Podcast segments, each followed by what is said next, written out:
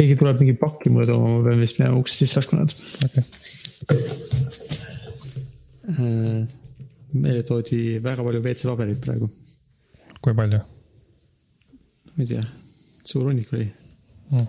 mitte europloki aluse täis, no rohkem kui kaheksa rulli ma arvan rohkem kui kaheksa küll jah. mm..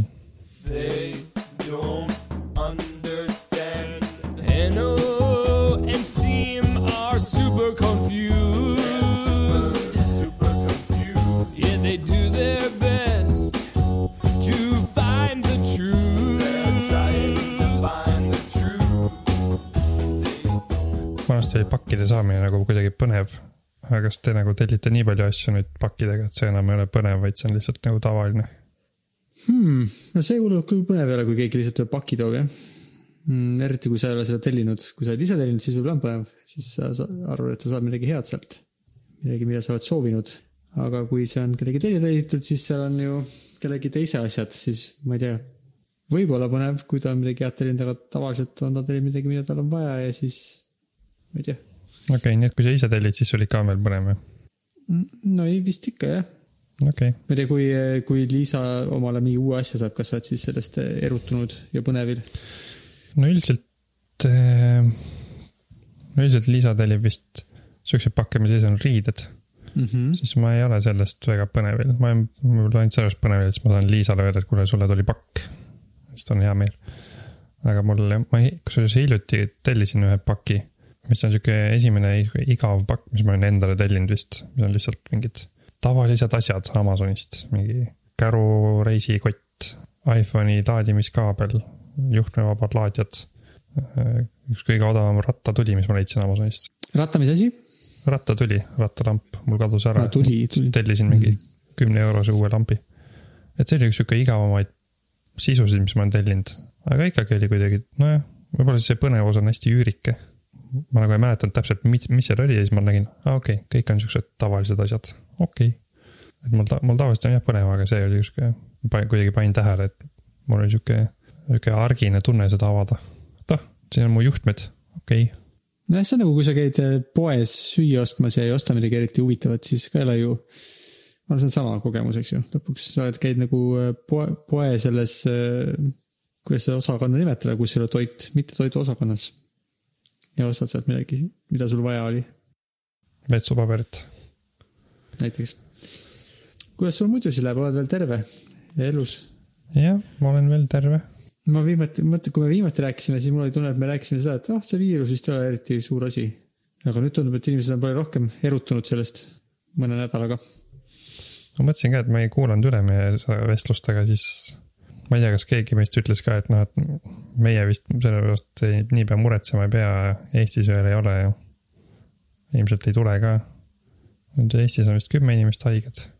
siin ae- aegamisi panin ka mingeid artikleid nagu siia linkidesse, et, et oh, huvitav lugeda, et eksperdid arvavad, et nagu enamus inimesi nakkub sellesse viirusesse nagu selle aasta jooksul aga nüüd on sellest umbes kaks nädalat mööda, kui ma selle panin, nüüd tundub see nagu suht sihuke igav tavaline teema, et nojah, me saame selle viiruse, mis, mis me sellest siin ikka räägime pikalt.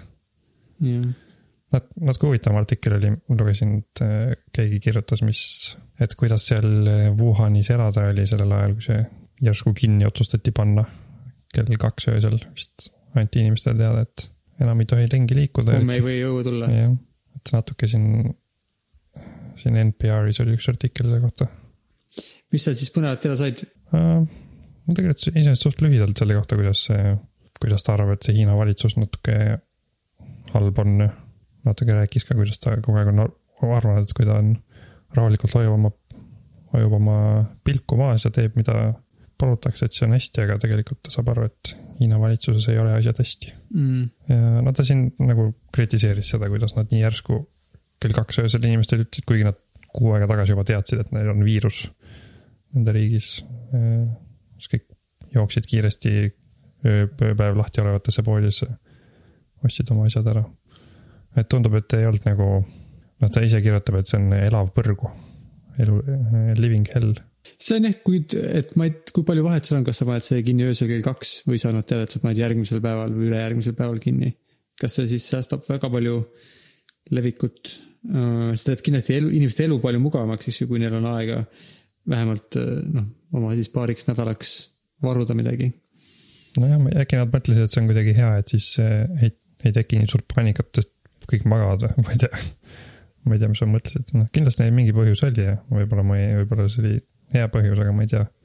meile naiivselt vaadates kõlab nagu jah, nagu äh, väga siukse nagu raskekäelise liigutusena nagu läbimõtlemata ja sihuke hooletu ja lihtsalt suures plaanis, okei okay,, meil on vaja asjad seisma panna, paneme siis. mm. -hmm. aga kas sa oskad öelda, noh, ma hakkasin siin mõtlema, see artikkel luges, et et see on nagu päris suur nagu noh, ka mingit, mingit sorti kahju ju tekitatakse inimestele, et kõik pannakse kinni. et mis hetkest on see, et no see on vist päris suur kahju jah. jah, et mis hetkest see nagu, see kahju suurem on kui see, et noh, kui eksperdid teavad, et okei okay,, et kõik nagunii jäävad enam-vähem haigeks mingi hetk. Et mis mõte siis on nagu seda kahju teha või mis hetkest seda ei ole enam mõtet teha, et paneme kõik kinni, jätame kõik ära. et ma, ma sellest pole hästi aru saanud. et kas see nagu aitab midagi, kui nagu, kui me, kui nii palju blokeeritud tsoone tekitada ja kõik, ma ei tea, lennud ära jätta ja nii edasi või kas, kas oleks mingit vahet, kui nagu ei teeks mitte midagi, kas siis jääb liiga kiiresti liiga palju inimesi korraga haigeks või? kas see on see probleem? No mida see mõjutab, et see on kindlasti levimise kiirust mõjutab, eks ju, selles mõttes, et siis on rohkem aega midagi teha, kui sul on midagi teha. et vähem inimesi on korraga haiglas näiteks või? jah, või nad on hiljem haiged, kui sul on olnud aega oma seitsme päevaga haigla ehitada ja siuksed asjad mm -hmm. näiteks. et see noh, kasutu otseselt ei ole, on ju, et võib-olla on hea. ma arvan, et ikkagi on teatud võimalus seda ju kontrolli all ka hoida. Või see, ma ei tea, kas ekspert ütleb nüüd, et see, et see rong on täiesti läinud täiesti kindlalt. vist mida aeg edasi, seda kahtlasem on, aga kui Hiinas kinni pandi see, nad ei tohtinud seal Wuhani kandis enam ringi liikuda, siis võib-olla ei olnud veel täiesti ilmselge, et seda ei õnnestu äh, nagu seda kollet summutada. võib-olla, võib-olla see oli veel siiski võimalus. seda ma saan aru, et noh, esimene see kolle, et seal loomulikult nad üritavad seda takistada nii palju kui võimalik. et ma mõtlen, et kas mingi hetk nad nagu mõtlevad ka, et okei okay,, et ärme nagu nüüd mõttetult palju on inimestel liikumist takista või, või, või ikkagi peaks nii palju takistama kui võimalik, kui on mingid, mingid kolded kuskil. nojah, ma arvan, nii nagu sa ütlesid, et kui sa näed, et sellest võib mingit kasu olla, siis see on, see on niisugune tasakaalu küsimus, et kas sa, et mis sa saad sellest ja mis sa selle eest maksma pead. ma arvan, selles mõttes on täiesti täpselt niimoodi see küsimus tulebki püstitada. üks asi, mis on veel, on võib-olla on nagu sihuke avalikkuse, et see on mingi, tal on sihuke PR mõju ka sellel äh, kinnipanemisel, et siis näiteks ülejäänud riigist, oh, meie valitsus teeb midagi ja nad äh, kontrollivad seda või rahvusvaheliselt on mingisugune positiivne mõju sellel. ma ei tea, kuidas see, no et see ei ole otseselt selle haigusega, aga võib-olla kaudselt sellega ka seotud, kui vähemalt inimestel tunne, et midagi tehakse, nad ei ole nii, vähendab inimeste stressi üle maailma. mm.. mis sa arvad, kui äh, Tallinn pannakse kinni, siis äh, kuidas, kuidas sul läheks? ma ei Kas tea, oleneb, mis see, oleneb, mis see tähendab, et kas ma ei tohi poodi minna, sa mõtled mingit sihukest teemat või? ma ei tea jah, midagi siukest. oota korraks hetk, mis on Liisu? kui palju aega veel on sinu podcast? kuule, me just alustasime, siis mingisugune, ma ei tea, nelikümmend viis minutit veel. Liisa küsis, kui kaua, kui kaua ometi võib podcast'i teha. mm.. no ma arvan, et kui Tallinnas pannakse midagi kinni, siis ilmselt jah, nii et kell kaks öösel öeldakse ilmselt või siis, või see on mingi uus reegel, äkki siis öeldakse. et siis küllap on ikka mingi aeg inimestel poes käia, on ju. no muidugi siis on oht, et saavad asjad poest otsa, aga nojah, kui, kui on piisavalt pikk aeg, siis jõuavad poed asju juurde osta tuua, eks ju. nojah, kui mingi nädal aega. no kui sa ütled, et nädala aja pärast teeme, paneme kinni kõik, siis on inimestel aega käia poed kõik tühjaks osta, siis poodil on aega asju juurde tuua, tellida ja siis inimesed saavad uuesti tühjaks osta. ja võib-olla veel ühe korra ja siis on enam-vähem võib-olla normaalne. kui ei ole hirmus kaua, kui on mitu nädalat, mm.. kuu aega. huvitav, kui on sihuke, kui on need äh, kullerid, kes toovad toitu koju, et siis teoreetiliselt oleks võimalik ka kuidagi äh, koostöös äh, mingite meditsiiniliste reeglitega teha nii, et kullerid on hästi ettevaatlikud ja ei aevasta kuskile peale, siis nad, Mhm. nemad võivad äkki ikka inimesele toitu ko- koju viia, võib-olla küll jah. isegi kui keegi teine ei tohi liikuda. näed, see on ilmselt jälle, mida sa tahad sellega saavutada, et kui sa tahad haiguse liik-, kulgu või noh, siis tegelikult pole võib-olla isegi mõtet kinni panna nagu ja siukseid teenuseid, et äh, võib-olla jah, sa ei taha, et inimesed käiksid suurtes kaubanduskeskustes ja sa ei taha, et nad käiksid tööl või koolis. aga kui nad ükshaaval üksteisel külas käivad ja niimoodi nagu inimene inimesele kohtuvad, siis on võib-olla äh, noh, ei pea muretsema nii, noh, mõned natuke ikka levib, aga eks ta levib natuke nii ehk noh. aga ma ei tea, natuke ma olen selle peale mõelnud, aga et huvitav ja sellepärast meil tuli nüüd vetsupaberi tellimus näiteks sellepärast, et kuskil oli kirjas, et vetsupaber võib otsa saada. tähendab, konkreetselt poodides vist on, vetsupaber on millegipärast. et võib-olla London on piisavalt esimene maailm, et siin inimesed muretsevad selle pärast, et hmm,, et mul ei ole vetsupaberit, et mul on vaja, kui see on poest otsas, siis on väga ebameeldiv, ma ostan omale lisavetsupaberit. mitte, et süüa ikka ometigi saab. see on huvitav, see vetsupaberi, keegi just rääkis kuskil, et, et ta ei saa aru, miks kui on mingi sihuke paanika, et ei tohi enam väljas käia, et siis miskipärast inimesed ostavad väga palju vetsupaberit, et vist mujal on ka vist vetsupaber otsa saanud kuskil. jah, no ma ei tea, selles mõttes, et ma kujutan ette, kui ei oleks vetsupaberit, siis ma tuleksin toime küll, see oleks natukene ebameeldiv, aga noh, igal pool maailmas ei kasutata vetsupaberit, neil on küll ka võib-olla siis selleks sobivamad muud töövahendid, aga ma arvan, saab ka käepäraste vahenditega ennast piisavalt puhtana hoitud, seni kuni vesi töötab näiteks ja siuksed asjad. jah, kui vesi ütleb, siis saab käepäraste vahenditega. ja just nimelt ja no see on natukene, ma arvan, esimesed viis korda on veits weirdo ja gross, aga siis pärast seda on juba no okei okay,, tundub, et ma hoian ennast niimoodi puhtana siis praeguse seisuga. Need inimesed, kes elavad kuskil orkaanipiirkondades, see oli huvitav nagu kuulda, kuidas nad ütlesid, ah, ma ei peagi midagi tegema, põhimõtteliselt ma lihtsalt vaatan oma tavalised varud üle, et nad oleksid korras ja.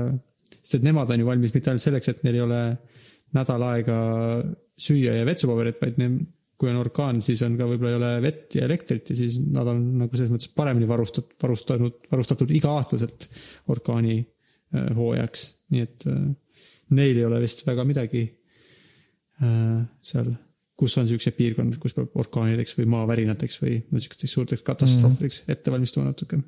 see on huvitav, et ma kuulsin, et USA-s San Francisco kuskil kandis, kus need tulekahjud on aeg-ajalt, Californias mm. -hmm. et seal on, see aasta oli vist nii, et eh, mingi elektripakkuja, elektrifirma lülitas elektri välja mõneks ajaks, mingi nädalaks ajaks vist. Mm. sest et see, et vist elektriliinide juures võib tekkida mingi tulekahju.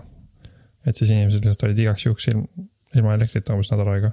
seal ka mõned podcast'i tegijad rääkisid, kuidas nad on selleks valmistunud ja, ja siis internetti ka ei ole, sest et mingid kohalikud internetiboksid on ka rivist väljas. see on Mm. huvitav, huvitav, et hoopis selline mure. jah, ma arvan, me oleme seda maininud, aga see on küll nagu hämmastav, kui palju me ikka sõltume sellest ühiskonnast, et toime tulla, et me räägime siin, et kuidas me saame nädal aega elada ja ostame nagu varusid, et nädal või kaks üle elada ilma ühiskonnata. aga kui me peaksime nagu igasugused need maailma lõpu stsenaariumid, kui on mingi tohutu suur maavärin või vulkaanipurse või päikese see, päikese, kuidas seda nimetataksegi, päikesetorm puistab mingit värki välja, mis äh, mõjub elektroonikale halvasti et kuidas siis, siis oleks päris peenike lugu, kui, kui ei ole mitte, peab kaks nädalat, vaid peab nagu enam-vähem nullist kõik alustama. või noh, nullilähedaselt, vähemalt äh, siuksest äh, põllumajandusest. siis meil võis olla mingit lootust Mm -hmm. meil li- linnaelanikel või linnalähedastel elanikel linnavurredel. mm.. kuidas seal Londonis on, seal on palju viirust või? ma ei ole üldse kursis. ma konkreetselt Londoni kohta ei tea, Suurbritannias on viimase seisuga, paar päeva tagasi oli alla kahesaja kinnitatud juhu, üks öö, hukkunu vist. ja ma ei tea, nüüd on, ma ei ole, eile vist ei vaadanud ja täna pole ka veel vaadanud, nii et ma ei tea, ma kujutan ette, et paarsada kinnitatud juhtu. mm.. Kas sa pesed käsi kuidagi rohkem viimasel ajal või hoolikamalt? kas ma käsi pesen ja muidugi ja see on ikka, see on ja kui käia, sõita rongiga, siis äh, pea kogu aeg kasvab meelde võtta ära süga oma nina, ära süga oma nina. ja siukseid asju, et äh, mm. kui kontorisse jõuan, siis pesen käed puhtaks ja siis võib nina jälle sügada natuke korraks, seni kuni oled liiga kaua jälle kontoris olnud sa võid mingite asjade vastu nina sügada vist, mida sa ei ole puudutanud. mingi mm,. nojah, aga siis sa pead te, nagu teadma, mida ole puudutanud, mis võib ka olla päris nojah, kui sa oled rongi peal, siis sa rongi vastu arvatavasti ei peaks oma nina sügama. ja oma kehaga sa ka ju ei tea, kelle, kus sa kelle vastu hõõrusid või millega sa vastu käsipuud läksid mm. -hmm. ikka nagu väga sügeleb, siis võib, aga lihtsalt ära, et äh, ei peaks niimoodi. no tead isegi, ei maksa niisama nägu käperdada lihtsalt sellepärast, et natukene kibele, ja. kiheleb kuskilt. ma kogu aeg käperdan oma nägu, kui ma ei mõtle sellele. Mm. toetan, lihtsalt lõõgastun kuskil ja siis toetan mõlemad käed, käed, käed, panen mõlemad käed oma näe peale. mm. ma. vaatasin hiljuti, nägin netis sellist, selline joonistus on, kus on kirjas, mis kohad kätest jäävad sageli äh, pesemata. Hmm. kas see on pesemata või? okei no nagu vähe võib-olla pestud, et äh, most often missed. oi-oi-oi. alati, kui ma nüüd käsi pesen, siis mul on see silme ees need punased kohad, siis ma üritan neid pöidlaid siis rohkem pesta natuke ja näpuotsi rohkem pesta. pöialde ümber on sihuke punane joon ja näpuotsad on üsna punased ja, näppude vahelt ka ja, ja siis ja peopesal need seest jooned, kust, kust, ma ei tea, kust peab lugema, et kui palju sa raha teenid või kas, millal sa armastuse leiad või midagi sellist. osad, osad need jooned on väga punased.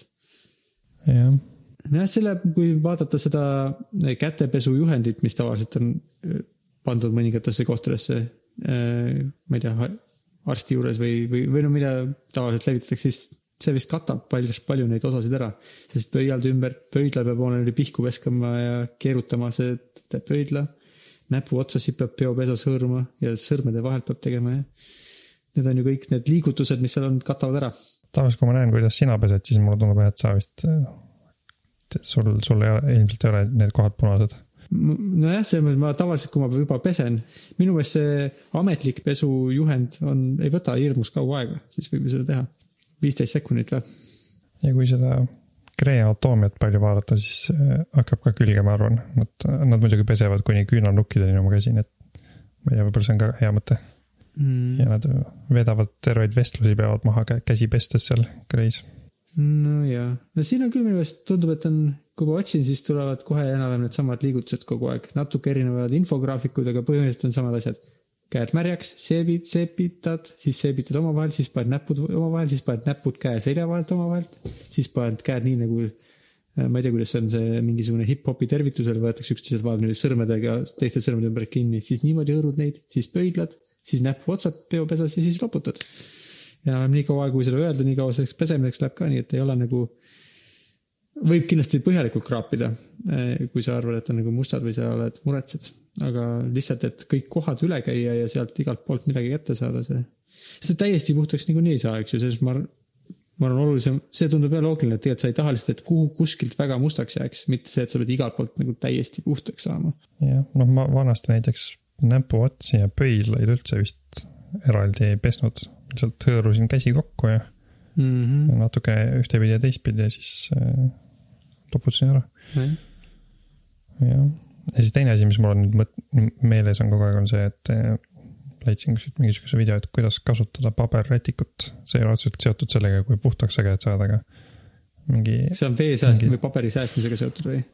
jah, mingi mees pidas TEDx talk'i sellest, kuidas nii palju paberit läheb raisku ja nii edasi ja siis ta näitas tehnikat, kuidas saab ühe paberiga väga hästi kuivat, kuivaks oma käed, sest ma tõesti, ma Mm. ma kas tegin ühe paberiga ja mul olid käed veits märjaks või siis ma võtsin nagu lihtsalt, võtan mõtlematult nagu hunniku pabereid sealt ja siis kuidagi lohakalt pühin neid vastu käsi ja viskan minema. kas sa seda oled kuidagi kuulnud, et, et öeldakse, et kui sa korralikult käsi ei kuivata, siis oleks võinud sama hästi pesemata jätta? kas ma olen kuulnud, et see on väga oluline jah, sest kui sul on, vist siis sellepärast, kui sul on märjad käed, siis kui sa midagi katsud, siis need bakterid jäävad, ma ei tea, kuidagi paremini külge või, rohkem baktereid jääb külge. mm,? okei et ma olen kuulnud küll, et see on oluline jah. et pesed käed ära ja lähed avalikust vetsust märgade kätega välja, katsud mingit ukselinki, et siis vist äh, ma ei tea, kas see on siis nagu sihuke liim, bakteriliim see märk käsi või äkki?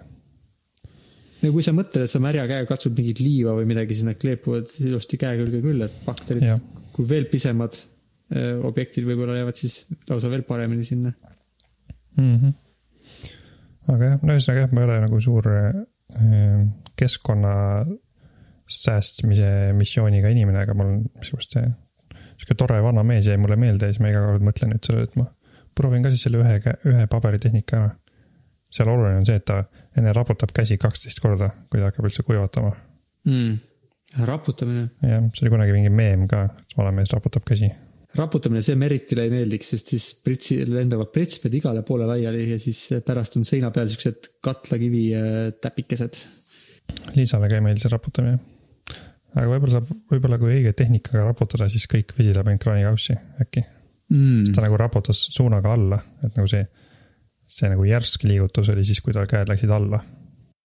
aga ta on ikkagi veits siukene kaootiline liigutus, mulle tundub, et kui sa ikkagi niimoodi raputad, siis ega sa vist, seda peaks kuidagi proovima, sa võiks mingi võtma käed tegema värviseks ja minema, panema valge paberi igale poole ja siis proovima, kas sa saad raputada ühte, ühe ringi sisse kõik need see on hea mõte jah, ma peaks selle ära proovima, sest praegu ma kodus vist eriti jah, nii palju raputas, kodus mul rätikud, siin mul pole vaja säästa paberit.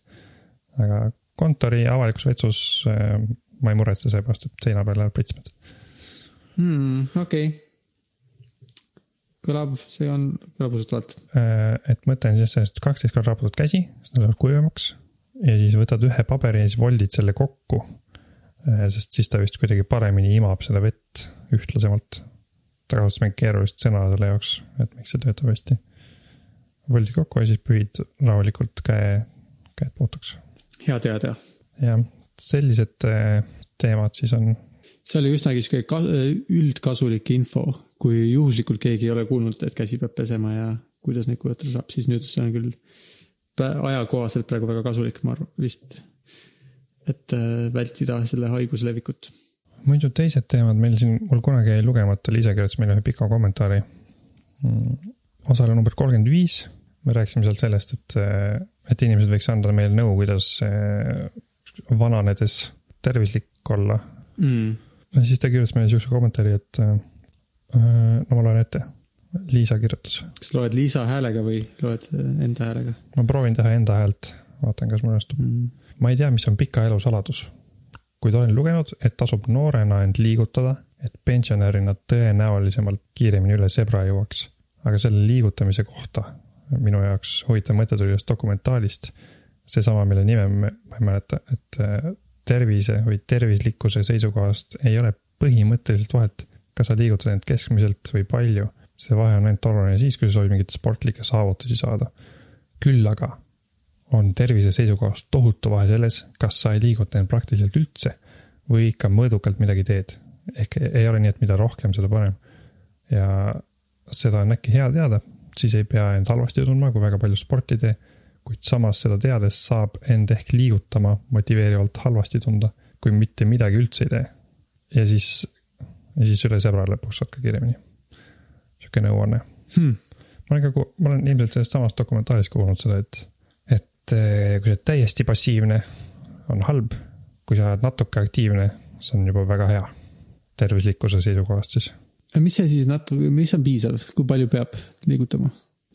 noh, ma seda täpselt ei tea, aga ma arvan, et see täiesti passiivne on see, kui sa noh, oletame, et sa käid tööl autoga ja lähed liftiga oma korrusele ja istud maha, siis lähed tagasi liftiga autosse ja siis sõidad koju ja siis istud diivani peal. ma arvan, et see on see täiesti passiivne variant.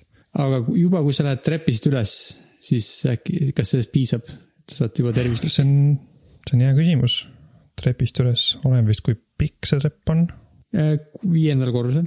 viies korrus on siis äh, siksakitad sa kümme korda mm,. ma ei tea äh,. Ma arvan, et see on sihuke piiri peal, ma arvan, et, et kindel olla, siis võiks korraga, ma ei tea, kas äh, mingit sihukest jalutus, jalut-, jalutuse moodi asja ka teha, ma mõtlen, kui käia suures toidupoes, kas sellest piisab veel, kui on nagu trepp ja suur toidupood. äkki see on juba hea Hmm. ma arvan, et väga hea oleks ikka see, kui sa korra nagu jalutad kuskile, lõunasöögile lähed kuskile jalutades või siis ostad midagi ja sööd õues, jalutad kuskile pargis, parki. kas see on ka mingi asi, et äh, peaks nagu vähemalt nii palju ennast liigutama, et hakkaks kas sügavamalt hingama või ma ei tea, kas hi- higistamine vist ei ole mingisugune märguanne, aga et äh, nagu süda hakkaks kiiremini lööma ja oleks vaja ja- ja hingata. see kõlab tuttavalt, et pulss äh, võiks olla nagu stabiilselt kõrgem mingi, mingi nagu aja. see kõlab nagu mingi asi, mida ma olen kuulnud. mm. -hmm. sest võib-olla, kui sa nagu seal toidupoes tavaliselt süda mul ei hakka kloppima, ma arvan, kui just väga suured kotid ei ole. see toidupäe jalutamine tegelikult on vist rohkem selline, et sa toetad käsi sinna käru juurde ja siis seisad erinevates kohtades, on ju, see ei ole vist päris jalutamine mm. -hmm. ja, ja, ilmselt ideaalne on see, kui sa saad nagu kõndida iga päev mingisse kohta näiteks tööle kõndida, see oleks ilmselt ideaalne selles väheses aktiivsuses või rattaga sõita tööle on ju. või kõndida kuskile rongipeatusesse, võib-olla see on ka juba okei okay.. mm,. ja, ja siis ma saan aru, hea oleks, kui sa iga päev seda näiteks teeksid, isegi kui sa ei tee nagu väga palju. et, et see nagu regulaarsus on ja on pigem tähtis, kui see, et parem on teha nädalas, et võimalik, ma ei tea, kas täpselt niimoodi juhtub, aga et kui sa iga päev kõnnid tööle, siis võib-olla see on parem kui see, et sa nädalavahetusel tund aega käid jooksmas, võib-olla. ma arvan küll jah, jah, no jah, nagu sa ütlesid, regulaarselt, ma arvan, et üle päeviti on ka okei okay, äkki. mm. -hmm. aga, aga et võib-olla, et kui sa nagu teed väga intensiivselt lühikest aega, siis ei ole sa, isegi sellest ei ole nii palju kasu, kui see, kui sa lihtsalt teed vähem intensiivselt, aga natuke tihedamini. Mm -hmm. ma arvan küll, huvitav, huvitav, see kõlab jah, sihuke noh, jah, usutavalt tervise Mhm. mõttes. jah, aga see on noh, jah, nagu Liisa ütles ka, et ma arvan, et see on, kui see on tõsi, siis see on nagu veidi natuke sihuke kergendav, et ei pea nagu üritama kogu aeg nii palju sporti teha kui võimalik, et olla tervislik. Sest see on nagu natuke sihuke raske eesmärk, et ma oleks kogu aeg sportlik. Mm. aga kui sa oled kogu aeg nagu liigud natukenegi, siis äh, see on juba okei okay., noh, ma arvan küll, et ma arvan, et paljud inimesed ei ela poe juures, et kui nad käivad iga päev poes jala. ma arvan, et see on päris hea asi, mida teha, ma näiteks ei viitsi eriti jala käia poes, mul oli äh, neljasaja meetri kaugusel pool vist. ma tihti lähen ikka rattaga. Mulle tundub, et sul on see poes käimine kuidagi väga hingel selle spordiga seoses. see on nagu, sa tahaksid väga, et see oleks nagu, et, et poes käimine loeb. kas see on äh, su elu põhiline sport praegu on po- poes käimine? mm,. tegelikult ei ole, praegu, praegu on tööl käimine suurem sport või sa arvad, et see poes käimine on lihtsalt niisugune igaühele kättesaadav äh, ja mida kõik saavad teha? ma arvan küll, et see on sihuke asi, et äh, igalühele kättesaadav ja ilmselt tihti, kui on võimalik, siis ei viitsi ju poodi kõndida. noh, kui sul on auto, lihtsalt seisab maja ees. võib-olla oleks hea, kui autol oleks ka nagu vanasti nagu lastel olid siuksed väntadega autod, mingi sarnane süsteem. kui saaks paigaldada autosse siukse, et sa äh, näiteks, et auto käima saada, siis mitte sa ei keera võtit, vaid sa pead väntama selle käima kuidagi või midagi, midagi sa, midagi siukest, et sa saaksid panna omale väikese, et olgu autosõit võtab sul äh, füüsilist aktiivsust ära, aga teiselt poolt sa võtad selle endale tagasi. või sa võid ise seda endale lihtsalt teha, et iga kord, kui sa autot käivitad, siis sa tõmbad ühe kriipsukese märkmikusse ja pärast sa, nii palju kui kriipsukesi kui oli, nii palju sa pead äh, tegema mingit harjutust. nojah, jah, et kompenseerida sellist äh, li- lihtsustatud eluviisi. teed mõned kükid ja kätekõrvud enne autosse minemist. iga kord, kui liftiga sõidad, iga kord, kui auto, autoga sõidad, kui jalgrattaga sõidad, siis ei pea tegema kriipsukest, sest et see on juba sportlik. mm. -hmm. kunagi ma lugesin ka, keegi kuskil kirjutas, et, et sellel pole vahet, kas sa teed näiteks viiskümmend kätekõverdust järjest või sa teed viis kätekõverdust ja siis teed seda kümme korda nagu. et keegi ütles, et seal, et see ei ole nii oluline, et sa nagu hullult ära väsid kätekõverdusi tehes mm., vaid oluline on see, mitu korda sa neid lihtsalt teed. see on vist ja, ja vist on see äh, tipppinge on tähtis, kui palju sa nagu su lihased pingutavad. Et kui see, kui sul kätekõverduste tegemine on väga lihtne, siis nad vist niikuinii enam eriti palju ei muuda midagi. et kui, aga see on vist juba seotud selle sportliku saavutusega, eks ju, see ei ole enam nagu tervise mõttes. tervise mõttes võib-olla ka ei ole vahet. aga et kui sa tahad nagu areneda, siis on parem teha intensiivselt ja lühikeselt ja, aga mitu korda, et äh, vahepeal taastuda ja siis teha uuesti intensiivselt. kui sa teed viiskümmend korda järjest, siis sa väsid ära ja ei jõua enam eriti intensiivselt teha ja siis ei arenda enam su lihaseid hirmus palju. mm.. võimalik, võimalik. sul on siia märgitud mingi universumi mäng, mis asi see on? see on mingi huvitav asi, et on mingi sihuke simulaator olemas, kus saad eh, simuleerida igasuguseid eh, universumis toimuvaid asju nagu päikeste suremine ja supernoovad, planeetide tekkimine. siis mõtlesin, et huvitav, kas sa oled midagi sellist kuulnud? ma olen kuulnud sellest midagi, ma ei ole seda kunagi proovinud, kas sa oled seda proovinud? ma ei ole proovinud, ma mõtlesin, et, et see tundub sihuke huvitav, et eh, äkki sa oled proovinud, sa aeg-ajalt proovid mingeid mänge. siis mõtlesin, kas sa tead midagi sellest. mul on sihuke tunne, et äh, ma ei tea, kas nad, kas nad tahavad sellest äh, raha saada, selle mängu eest. jah, on küll jah, kolmkümmend dollarit. kolmkümmend dollarit, mängu kohta päris palju. natuke jah. vähemalt sihukese mängu kohta, mille kohta on sihuke tunne, et võib-olla vaataks korraks, siis äh, see on päris palju. ja ma ei tea üldse, kui palju võib meelelahutuse eest maksta, kui palju normaalne inimene maksab meelelahutuse eest. ma arvan, natuke rohkem võib maksta, kui on väga hea meelelahutus, kui kolmkümmend. näiteks mingi kontserdipilet võib olla rohkem kui kolmkümmend, ma arvan. no see on, ma arvan, sihuke, ka sihuke asi, et mida, kuidas me harjunud oleme, kontserdipiletid, head kontserdipiletid võivadki vist palju maksta, on ju. vot see on vist vaata levinud teema, et inimesed ei taha ühegi äpi eest ühtegi, ühtegi senti maksta, sest see on kallis.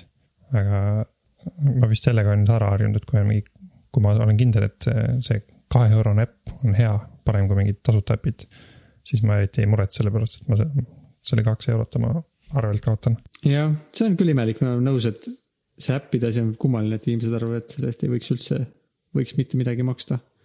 noh, jah, ta on nagu tundub imelik ja võib-olla on sellepärast olnud nii, et äh, alguses mobiilid äh, see ei maksnud ükski asi midagi. ja siis mingi hetk tulid äpid ja siis oli lahe, et said mingeid huvitavaid äppe tõmmata ja siis, siis äh, ilmselt inimesed olid harjunud sellega, et see on nagu sihuke lahe, tore asi, et saad mingeid äppe tõmmata. aga ilmselt keegi ei olnud mõelnud veel sellele, et, et neid saab nagu osta nagu tööriistu.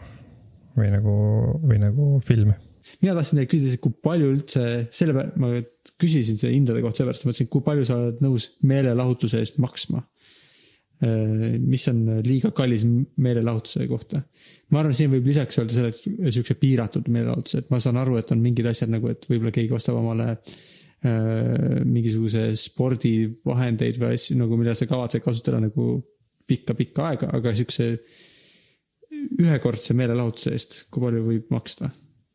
sa mõtled siis näiteks kontsert või film või ja, Või- või, arvutimäng eeldusel, et see on siuke nagu, mis sa mängid läbi ja siis on tehtud. mm, või raamat või äh, kogemus, kogemusõhtu või äh, no ma ei tea. need on vist, need kõik asjad on vist kuidagi ju selles mõttes erinevad, erinevate limiitidega mu peas, sest noh, mingid raamatud maksavadki umbes mingi kümme eurot ja nii, on ju, et. et noh, ma arvan, et ma sellepärast olen ka nõus maksma enam-vähem nii palju, kui keskmine raamat maksab, et kui mingi raamat maksab viiskümmend eurot, siis ma võib-olla. kui mul seda väga vaja ei ole, siis ma ilmselt ei maksa nii palju. aga, aga mõne muu äh, siukse meelelahutuse eest sa võid maksta viiskümmend eurot. ma arvan, et näiteks kui mingi lemmikartist, mingi ma ei tea, Radiohead esineb kuskil, siis ma võib-olla võiks maksta viiskümmend eurot näiteks. aga sada. see on päris kallis, aga see on, sada, ma arvan, et ma ei maksaks ühe pileti eest küll. aga sa saad ette, oskad ette kujutada mõnda meelelahutust, midagi, mis oleks nii nagu vau wow,, et see on mingi õhtu, seal on mingi programm, midagi toimub. aga sa maksad selle eest sada, sest et see on nii lahe. aga see vist siis vist peame nagu tegema siukse reegli, et see sada on ainult minu, minu osaluse eest, on ju Äh, nojah, hmm.. sada, mille eest ma maksaks sada?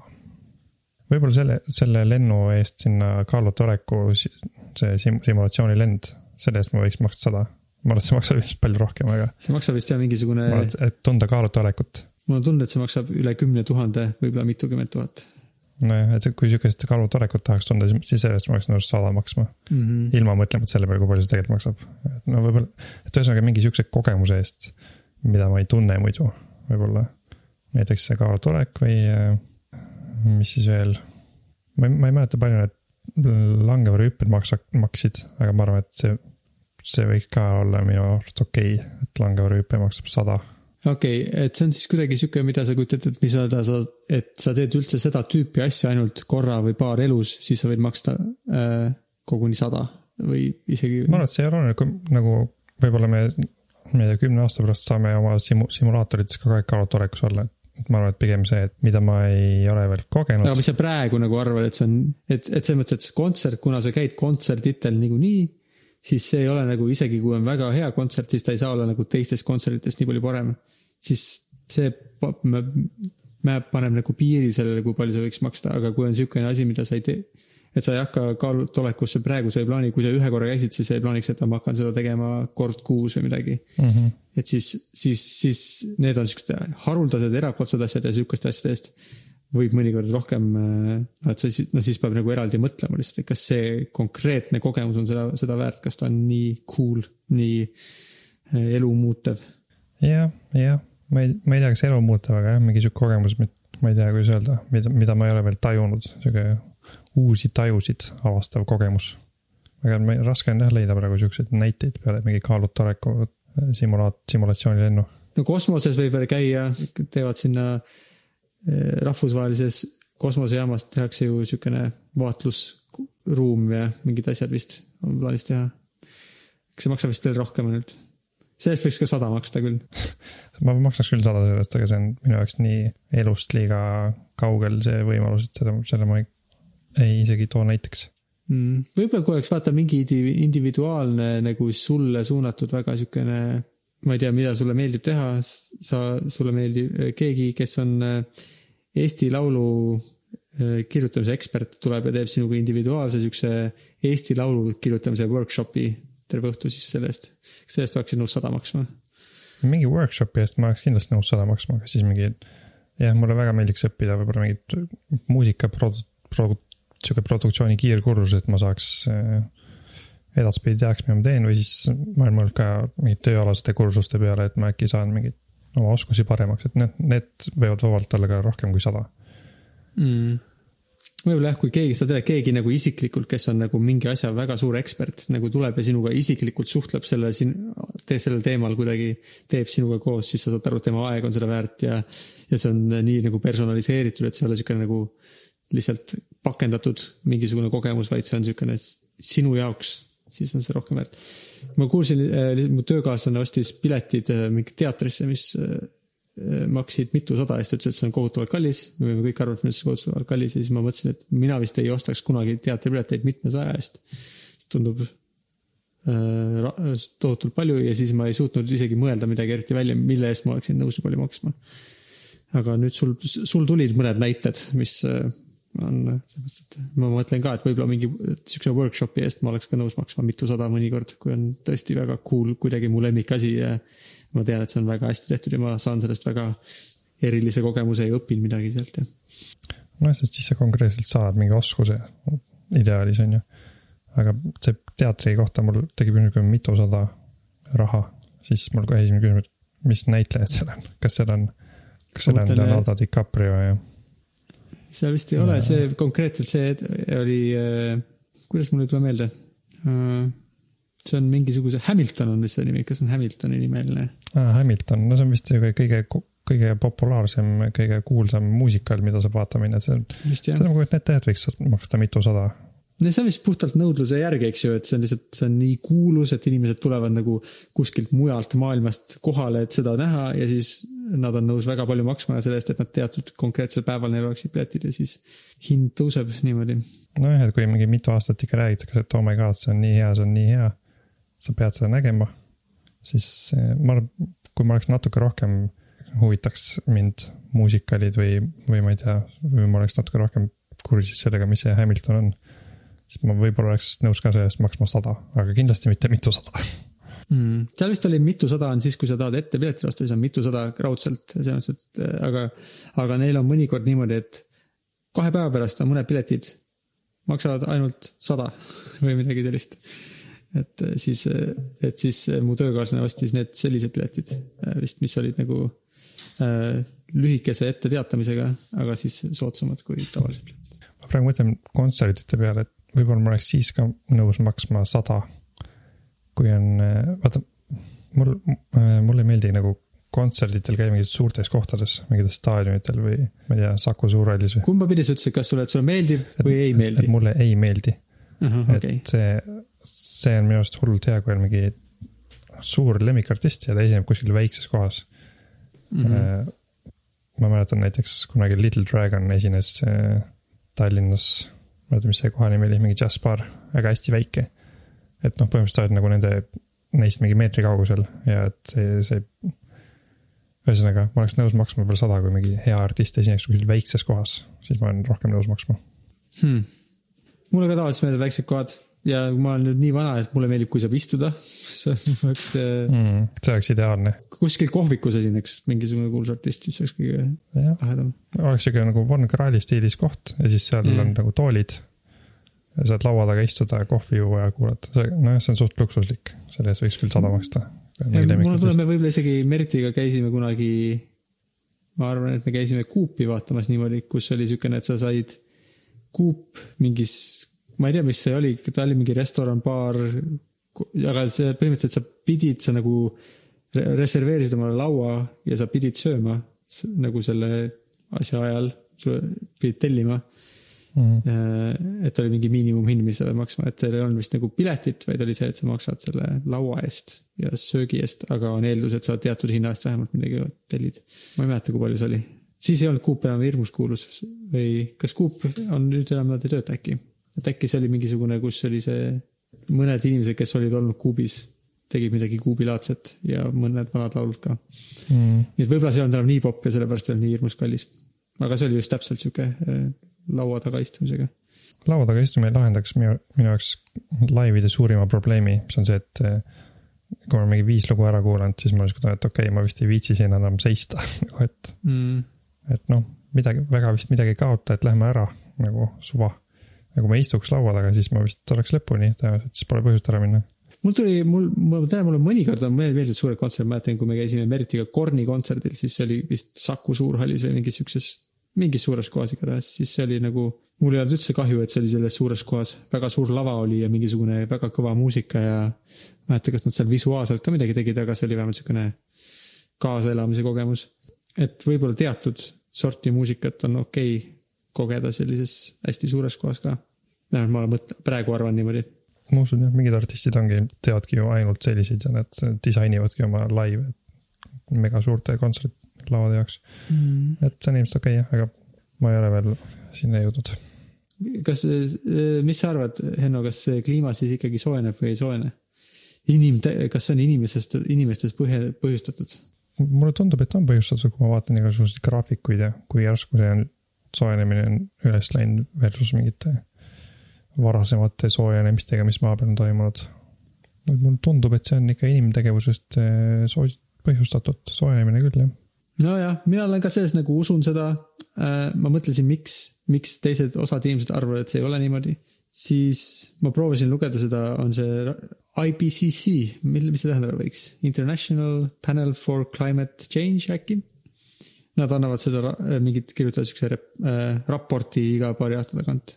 ja sealt on vist pärit see nagu kuulus number et, et üheksakümmend seitse protsenti kliimateadlastest öö, nagu usuvad, et või on, on veendunud, et, et see toimub, see protsess ja et inimtegevuse tagajärjel. mulle tundub, et see on minu jaoks vist põhiliselt, miks, miks, miks ma tegelikult põhimõtteliselt seda usun, on sellepärast, et siuksed äh, teadus kui protsess, mida ma usaldan põhimõtteliselt nagu äh, laias laastus äh, reaalsust kirjeldavat, et vahel mõni teaduslik asi võib olla vale, aga, aga kui nagu järjepidevalt teadus mingi ühele tulemusele jõuab ja kõik paljud teadlased jõuavad samale tulemusele ja nad on nõus, siis see on nagu kõige parem viis, kuidas üldse maailma kohta midagi on võimalik teada. et siis see on vist see põhjus, miks mina seda usun, aga ma ei tea, kas see on nagu, kas see on, kas siis mõned inimesed arvavad, et see on naiivne, et ma olen, teadlased on, petavad mind ja sind. ma ei tea jah, ma ei, ma ei tea, mis nende inimeste peas toimub, et noh, ma, ma usun ka, aga ma, ma ei ole ilmselt lugenud nii palju asju, et ma saaks väita kindlalt, et sellepärast ja sellepärast. ma usun, põhimõtteliselt usun lihtsalt mingeid inimesi ja artikleid. ja ilmselt sellepärast, et rohkem inimesi usub, ma arvan, see on oluline ka. ja aga seda sa ei tea, eks ju, see on, see on sinu, sinu mull, sinu mulli sees inimesed usuvad ja jah, keda sa kuuled no just, ja see nagu, see ei ole ju, siis, siis sa, sa võid olla samamoodi eksiteele viidud lihtsalt, sest et sinu liberaalse mulli sees inimesed räägivad seda juttu ja sa ütled, nojah, minu mulli inimesed arvavad niimoodi ja ma olen nendega nõus. sest et nad on mu sõbrad. ja vabalt võin olla nagu eksiteel. et selles mõttes ma, ma arvan, ma oleks üsna halb vaid väitleja kellegagi, kes ei usu ja kes on sellega tegelenud jah, see, see on ideaalis, mida ma tahaksin loota, et sihukestes küsimustes, kus on nagu väga vastakad arvamused, et ma kuidagi saaks ennast veenda niimoodi, et, et see oleks nagu kuidagi rohkem põhi, nagu et ilmselgelt selgelt me ei saa kasu, nagu veeta mingi kuu aega midagi uurides iseseisvalt ja, või veel kauem aastaid. aga et kuidas saaks ennast nagu veenda natuke rohkem kui lihtsalt sellepärast, et mulle tundub, et inimesed mu ümber arvavad niimoodi, kes mulle meeldivad, küllap see siis on õigus. sest vahepeal noh, et teised inimesed, kes arvavad teistmoodi, neil on täpselt vastupidi kogemus täpselt samadel põhjustel, siis on nagu, siis me ei saa olla nagu, siis ei saa imestada, et me, et me ühi, nagu ühiskonnas on nii vastakad arvamused ja nii ei saa öelda, et teised inimesed oleks kuidagi rumalad, kui nad on täpselt samamoodi sama tulemuseni jõudnud, kui sina oled oma tulemuseni jõudnud. jah, ma ei tea, kas teaduse usaldamine on nagu piisavalt, mulle tundub see nagu päris hea argument, aga, aga samas kindlasti on, teadlased leiavad, tulevad ka vahepeal, avastavad midagi ja siis pärast avastavad, et tegelikult nad eksisid. eks ole nojah, noh, sellepärast ongi hea, kui üheksakümmend protsenti neist arvavad samamoodi, mm.. aga no mulle tundub see kõige suurem nagu argument, et eh, ma arvan, et, et ma arvan, et see on, on võimatu teha sihukest eh, vandenõud nii suurel skaalal. nojah, see oleks küll jah, see, see, see kõlab nagu, kui keegi ütleks, et aa, et, et need kõik need kliimateadlased on tegelikult mingis kliimakartellis ja neil on mingi salavandenõu, siis see on nagu sihuke asi, millega mul ei ole jah tunnet ka, et, et sellega oleks hirmsasti vaja vaielda. kui, kui sa otsustad, et, et, et ükskõik mis vastuargumendid on, et neid, sa ei peagi neid kaaluma, sellepärast et äh, nad on mingisuguse vandenõu tagajärjel välja, välja öeldud valed, siis noh, see on niimoodi, sa võid ükskõik mida argumenteerida. see võib üks, see toetab nii seda, et maakera on lapik, kui ka seda, et vaktsiinid on halvad ja sa võid üks, üks, ükskõik mis arvamuse sa võid endale võtta ja otsustada, et ei, kõik vastuargumendid on lihtsalt valed, mille on mingisugused vandenõu osalised välja mõelnud, siis äh, see, see ei ole nagu see, mille vastu, mille vastu ma arvan, ükski argument peab seisma, selles mõttes, et see on nii universaalne asi, see on sama, sama hästi kui Jumal ütles mulle, et et, et niimoodi on või et pühas raamatus on kirjas, sellepärast on ja, se, ja selle vastu, sellele ei pea saama vastu vaielda, see on, see ei ole sihuke vaidlusargument. ja siis ma, ma, ma arvan, ma usaldan teadlasi, nad on äh, kõik grupiliselt, suur grupp neid on leidnud sama tulemuse, et nad on terve oma elu pühendanud sellest asjast aru saada. ja kui nemad jõuavad selle järelduseni ja ma ei arva, et nad valetavad, siis äh, nagu miks peaks midagi vastupidist mõtlema? kas ajaloos on olnud mingit olukorda, kus äh, nagu kõik teadlased arvavad midagi ja siis pärast tuleb välja, et äh, no nad on tegelikult midagi arvanud küll, no selles mõttes kogu aeg on avastatud midagi uut, eks ju, et Newtoni järgselt arvati, et vaata niimoodi, kuidas gravitatsioon toimub. aga siis avastati relatiivsusteooria ja muud asjad. aga see on niisugune marginaalne muutus, eks ju, see on niisugune, aa, asi on tegelikult natuke keerulisem. Põhimõtteliselt on nii, nagu me enne ütlesime, aga sellistes eriolukorras on veel natuke teised reeglid lisaks. see vist on okei okay. mm. -hmm. ei noh, vanasti arvati, et maa on äkki, äkki on lapik, on ju, mm. -hmm. aga siis hakati vaatama taevakehasid, selle liikumist. ja siis tundus, et vist ikka, vist ikka kindlasti ei ole. Mhm. ja asi ei ole vist nagu teadlastes, vaid teaduses, selles mõttes, et teadlased võivad igast jaburusi arvata, et kui viissada aastat tagasi olid kõik inimesed natuke sotsiaalselt tagurlikud ja arvasid asju. aga siis see, mida nad arvasid, see olnud nagu, need olid nende nii-öelda poliitilised isiklikud arvamused, mitte nagu see on nagu, et keegi oleks uurinud inimaju ja jõudnud järelduseni, et äh, mõningatel rassidel on äh, kehvem mõtlemisvõime, see oli lihtsalt nagu, see oli niisugune nagu meem, mitte nagu teadusliku, selle kohta ei kirjutatud nagu, kirjutati pigem ajalehe artikleid, kus inimesed arvasid midagi maailma kohta, mitte nagu ei uuritud seda. aga kliimat ilmselgelt uuritakse, see ei ole nagu, see ei ole inimeste sihuke filosofeerimise äh, jutt, et oo, ma arvan, et on nii või ma arvan, et on naa, vaid see on. me käisime ja mõõtsime seal seda jääd ja seal mõõtsime seda vett ja seal mõõtsime õhust olevaid osakesi ja siis me modelleerisime seda sihukese programmiga, et see on nagu ilmselgelt väga sihuke põhjalik ja mitte, mitte lihtsalt äh, filosofeerimise jutt jah, muidu see rap, rap, rap, raport ise oli ka päris okei okay lugeda, see on päris sihuke, isegi kui sa ei ole kliimaekspert, siis seal on päris palju lihtsalt on, ta on sihuke väga hästi, no nad on, nad tahavadki seda vist presenteerida inimestele, et nad saaksid aru. et kui sa lähed sinna IPCC lehele ja võtad viimase raporti ette ja siis võtad sealt seda, kas mingi technical summary või summary for policy makers, siis seal on järjest siuksed. selline fakt, me oleme selles, no nad ütlevad erinevalt, et kas see on, selles me oleme üheksakümmend protsenti kindlad või oleme enam-vähem kindlad või. ja et nad a- nagu loetlevad tähtsaid tulemusi, mis nad arvavad, et on tähtsad, millest on tähtis aru saada ja siis annavad kõrval siukse ausa hinnangu, et kui kindlad nad selles on. siis ta on siuke nagu päris tore lugemine nagu, et äh, arusaadav, kokku võetud normaalsetele inimestele arusaadaval viisil alguses ja siukse äh, alandlik selles mõttes, et nagu kui nad milleski ei ole kindlad, siis nad ütlevad, et me arvame, et see on sihuke keskmise kindlusega arvamus. okei okay., kas sa paned selle lingi ka siia, ma võin selle lingi vist kuhugi panna küll, jah. siis me kõik saame seda lugeda. aga kui keegi vaata see, ma olen sellest, me oleme seda omavahel arutanud, ma ei tea, kas see podcast'il on ka, kui keegi arvab, et või ke- keegi tunneb, et, et tema on suhteliselt veendunud vastupidises, et siis oleks väga huvitav sellest kuulda. Kas äh, avaliku kommentaarina või ka võib meile lihtsalt saata emaili ja siukse, kui on, kui äh, noh, et ma saan aru, oleneb, mis seltskonnas sa räägid oma arvamustest, siis võib olla piinlik mõnikord, selles mõttes, noh, mitte nagu piinlik oma arvamuse pärast, vaid sest et teised inimesed võib-olla lihtsalt äh, nagu see ei, ei, no kui sa tead, et teised inimesed hakkavad sulle vastu vaidlema ja ei ole sinuga nõus, siis ei ole alati meeldiv mm. -hmm. oma arvamust väljendada, siis võib meile ka pri- privaatselt saata, aga lihtsalt oleks huvitav kuulda, kui kellelgi keegi arvab teistpidi. Et kust, kuidas ja kuidas, kust ja kuidas te olete sellise arvamuseni siis jõudnud. jah, oleks küll huvitav. jah, ei saa aru, et ei saa aru E võib näiteks saata, sest et siis saame meie Hennoga saame seda lugeda ja saame äh, targemaks. jah. ja, ja ongi järsku möödunud nädal aega ja mõtlesime, et räägime kiiresti veel paarist asjast, et, et see praegune osa, mida te just kuulasite, ei tunduks liiga vana, natuke värsket sisu siia lõppu. see on see oht, kui sa räägid päevakajalistest asjadest, siis mõne päeva pärast nad ei ole enam nii päevakajalised. jah, me siin just selles osas just rääkisime, et Eestis oli kümme nakatunut ja UK-s kakssada. nüüd eh, võib öelda, et Eestis on nakatunud täna lõunase seisuga sada kolmkümmend viis inimest. mm,. UK-s ma ei tea, ma arvan, et eh, ma kuulsin mingi kuussada oli mingi number, aga võib-olla see oli ka võib-olla nüüd juba mõned päevad tagasi. tuhat ükssada nelikümmend väidetavalt. kõlab loogiliselt. Ma kunagi vaatasin niisugust graafikut, kus näitas, kuidas need nakatunud tavaliselt kasvavad, et iga järgmine päev on eelmise päeva nakatunud, nakatanute arv korda üks koma kaks umbes. see on huvitav, ükskord, kui oli vist kakskümmend viis inimest nakatunud, siis ma ütlesin Liisale, et no homme tõenäoliselt on siis viiskümmend, nagu mõtlesin, et on kaks korda rohkem. aga tegelikult oli, oli seitsekümmend üks, et Eestis vahepeal oli päris kiire kasv. Võiks arvata, et see oli siis testimise tagajärjel või, et eh, inimesed, kes olid juba nakatunud, said testitud kuidagi või, võib-olla jah, või tõesti nakkasid niimoodi.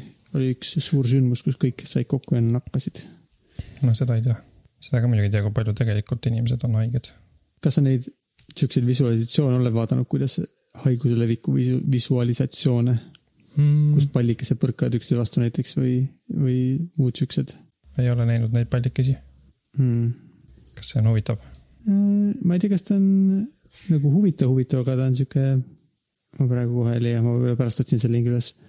nagu ta nagu vist proovivad selgitada, et mis, miks see, kuidas karantiin peaks toimima ja miks ta ei toimi nii hästi, kui võiks, tahaks ja mi- kuidas sotsiaalne eraldamine toimib ja kuidas see mõjutab, et visuaalselt on näha, kuidas on siuksed haiged pallikesed ja terved pallikesed ja kui nad põrkuvad, siis nad nakatuvad ja kui mõned neist liiguvad vähem või rohkem või kui panna kuhugi midagi vahele, et siis kuidas see haiguse levikut peaks, et see on sihuke väga lihtsustatud mudel muidugi, päriselt inimesed ei ole pallikesed, kes kõnnivad ringi lihtsalt põrkavad üksteise vastu ja nakatavad.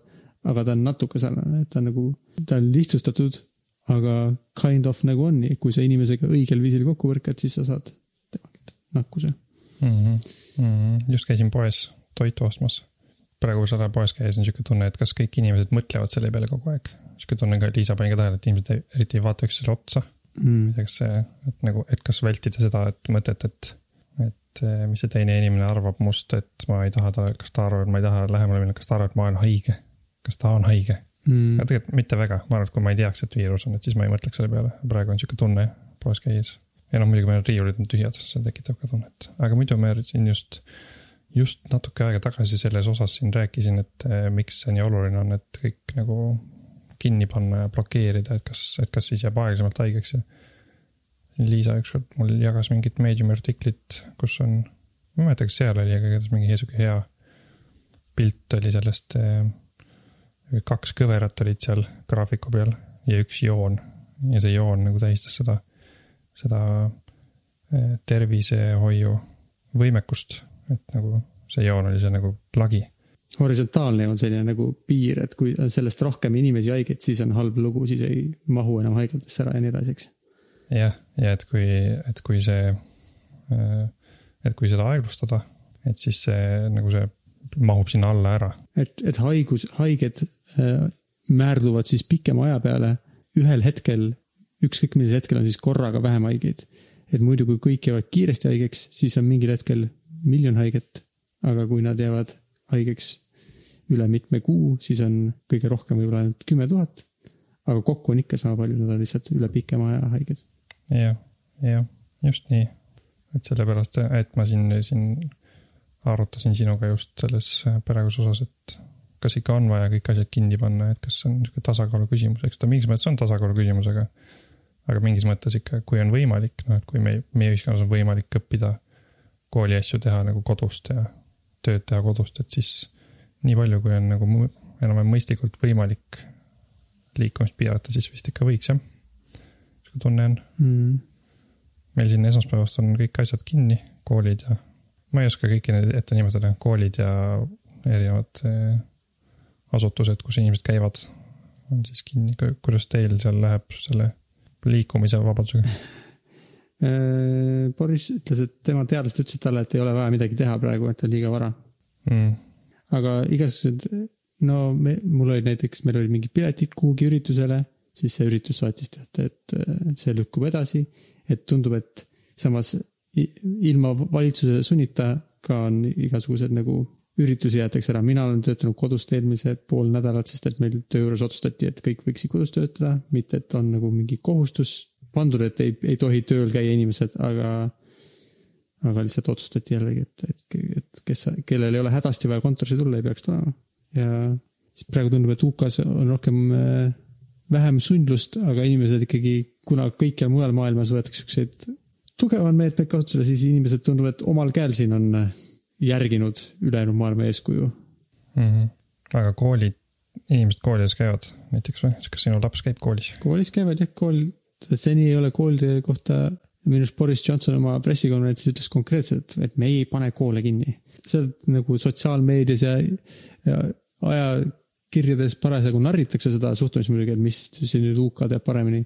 aga noh, tal mingisugune point on nagu see, et, et see haiguse kõige teravam punkt on veel kaugel tulevikus, kui praegu juba võtta väga drastilised meetmed kasutusele, siis peab neid hoidma kasutusel väga kaua, et, et võiks need kasutusele võtta hiljem, et na, siis, kui inimesed, no muidu äkki inimesed, kui nad peavad kolm kuud kodus olema, siis nad ei jaksa ja nad hakkavad rohkem väljas käima ja noh, hoolivad vähem sellest, et parem võtta see kasutusele siis, kui see on väga tähtis. Mm. et see on vist, mida tema nagu selle loogika selle taga. ma ei tea, kas sellega nõustun või mitte, aga vähemalt see on nagu niisugune, ma saan sellest loogikast aru. ma saan aru, et see ei ole nagu täiesti jabur. Okei okay., samas, aga samas, kas see teine loogika ei ole, et kui hakata praegu kohe võtma meetmeid kasutusele, siis teravat tippu ei tulegi? no selle mõte, mis me just rääkisime, et see allpool seda joont hoida, see tipp. no e- jah, eks see on ju sihuke asi nagu noh, nagu mingi suur konteinerlaev, et ega sa ei saa, saa nagu kiiresti midagi muuta. peadki vist äh, väga palju enne hakkama tegema asju, on ju. ma olen nii aru saanud. no ta on selles mõttes, et kui suur konteinerlaev ta on, ta on sihuke, ta on viie päeva suurune konteinerlaev, eks ju. Või kui palju see peitaeg on, no viis kuni tegelikult kuni kakskümmend üks päeva kõige hullem, aga ütleme kaks nädalat maksim-, ütleme sihuke, kui on kahe nädala jooksul üheksakümmend üheksa protsenti inimestest äh, saavutavad sümptomid, nii et ta on sihuke kahe nädala pikkune konteinerlaev põhimõtteliselt, et kui sa praegu midagi teed, siis kahe nädala pärast, ka kahe nädala pärast on ta oma lõpliku mõju saavutanud vist mm. okei okay., noh ilmselt vähemalt ju küllap seal Inglismaal mingid eh, haiglad varuvad neid teste, juhuks, kui on järsku vaja palju teste teha ja nii edasi, äkki või? ilmselt mingeid haiglaid päris ei ehitata juurde, igaks juhuks. no vist jah, see tundub sihuke Hiina, Hiina teema, viie päevaga haiglaid ehitada või kuue päevaga. aga kui on, kui praegu on UK-s on tuhat juhtumit, siis see ei ole iseenesest tuhat kinnitatud juhtumit, ütleme siis niimoodi parem, sest et äh, jumal teab, kui palju, noh, kui palju neid tegelikult on. võib-olla on kümme tuhat, aga noh, et kui on tuhat sihukest juhtumit, millest, mis on kinnitatud, mis on siis vähemalt piisavalt tõsised, et nad on nagu meditsiinitöötajad on neid nagu inimesi jälginud ja testinud. ja seda nad vist igaüht ei testi, kes kes on nagu terve ja noor, Mm -hmm. isegi kui neil on võimalikud siuksed sümptomid. et siis see ei ole ilmselt veel haiglate piir.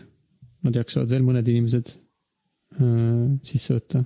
kui, ma ei tea, kuidas me arvutame seda, kui iga järgmine päev on üks koma kaks korda rohkem inimesi haiged kui täna, siis see on üks koma kaks astmel äh, ma ei tea, palju me võtame, kas seitse või võtame, või võtame neliteist päeva, võtame neliteist päeva ja siis see on kaksteist korda rohkem juhtumeid peaks olema neljateist päeva pärast. kui ta see sihuke eksponentsiaalne kasvukõver jätkub.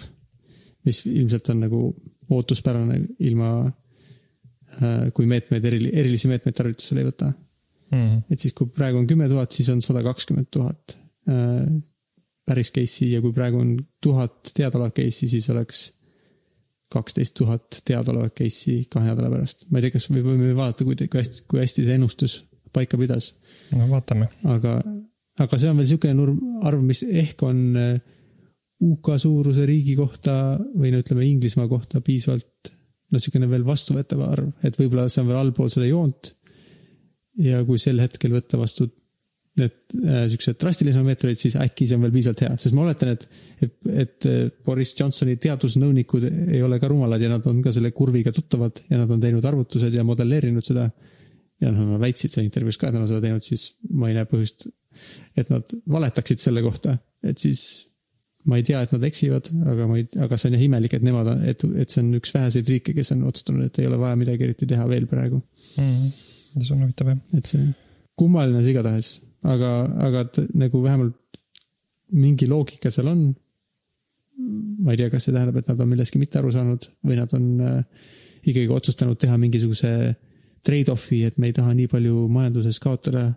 Kas see on puhtalt tervisega se- seoses otsus või mis nad seal on selle arvesse võtnud, seda muidugi me siit väljaspoolt ei tea, sest et ega Boris Johnson ilmselt, tegelikult nad on rääkinud ka mingist äh, majanduskoguproduktist ja asjadest, et aga no me lõppkokkuvõttes me ei tea, et kuidas nad täpselt otsustasid seda mm. -hmm. praegu mitte teha. jah, aga muidu jah, ma töötan ka, üritan kodust tööd teha praegu ja, ja mis veel nädal aega muutunud on, on äh, enamus lende vist jääb ära, me, meil oli ka üks reis plaanis, me ei lähe sinna, noh ilmselt ei oleks nagunii läinud, aga me ei saagi enam minna, sest USA ei võta inimesi vastu Mm mm.. -hmm. Eesti ei võta ka välismaislasi vastu, et noh, et sellised asjad on siis ka vahepeal juhtunud. et inimesed, suurejoonelisemad liikumispiirangud on pandud peale.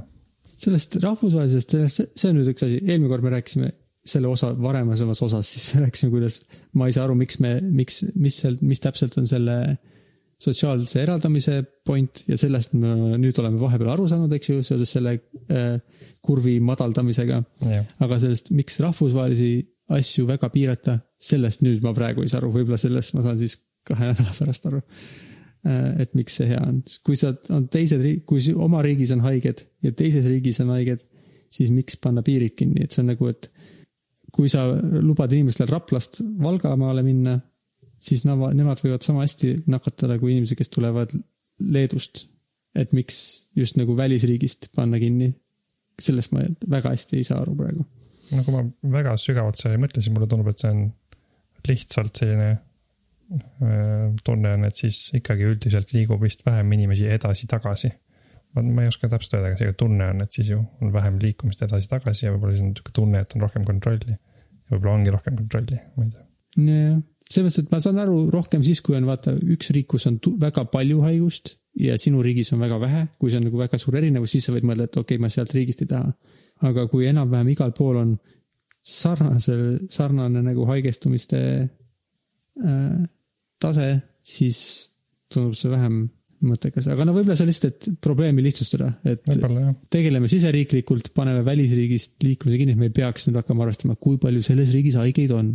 Et teeme omale natuke lihtsamaks elu lihtsalt mõneks ajaks. jah. aga muidu üks huvitav artikkel, mida ma, huvitav sihuke tähelepanek kellegi poolt oli, keegi arvutas, üks teadlane arvutas välja mingi eel-, kaks tuhat kuusteist aasta statistikaga eh, Hiina kohta seda, et eh, praegu on Hiinas nii palju vähem heitgaase, et tema väidab, et eh, see on isegi konservatiivsete nagu järelduste järgi on kakskümmend korda rohkem inimesi ellu jäänud tänu sellele heitgaaside vähe, vähendamisele, Mm. kui on viirusega otseselt ära surnud. et ta siin arvutas, et tõenäoliselt tuhat nelisada inimest, kes on alla viie aasta vanad, vähem ära surnud ja viiskümmend üks tuhat seitsesada inimest üle seitsmekümne aasta äh, ellu jäänud, arvutas siukest, et see on nagu huvitav, see satelliidipilt on siin sellest, kuidas praegu Hiinas heitgaase on päris vähe võrreldes sellega tavalise, tavalise kogusega. see on sihuke huvitav asi, millele ma ei oleks mõelnudki, et see võib kuidagi mõjutada midagi positiivselt teiselt, teiselt poolt. räägitakse sellest ka, kuidas oo, et gripp on ju ka väga halb haigus ja inimesed nüüd vist on huvitav ilmselt pärast ka teada saada, kui palju see kõik need koroonaviiruse vastased meetmed, mis on tarvitusele võetud, vähendasid näiteks seda gripihooaega, kas see on Mm. kuigi see on enam, enamjaolt vist läbi, on ju. Just lõppes või, vähemalt meie poolkeral. Mm. aga jah, see on huvitav jah, kuida-, et mis, see on nii, nii suurejoonelised muudatused, et eh, huvitav on näha pärast kuulda, et mida, mis, mida kõike see veel muutis ja kuidas.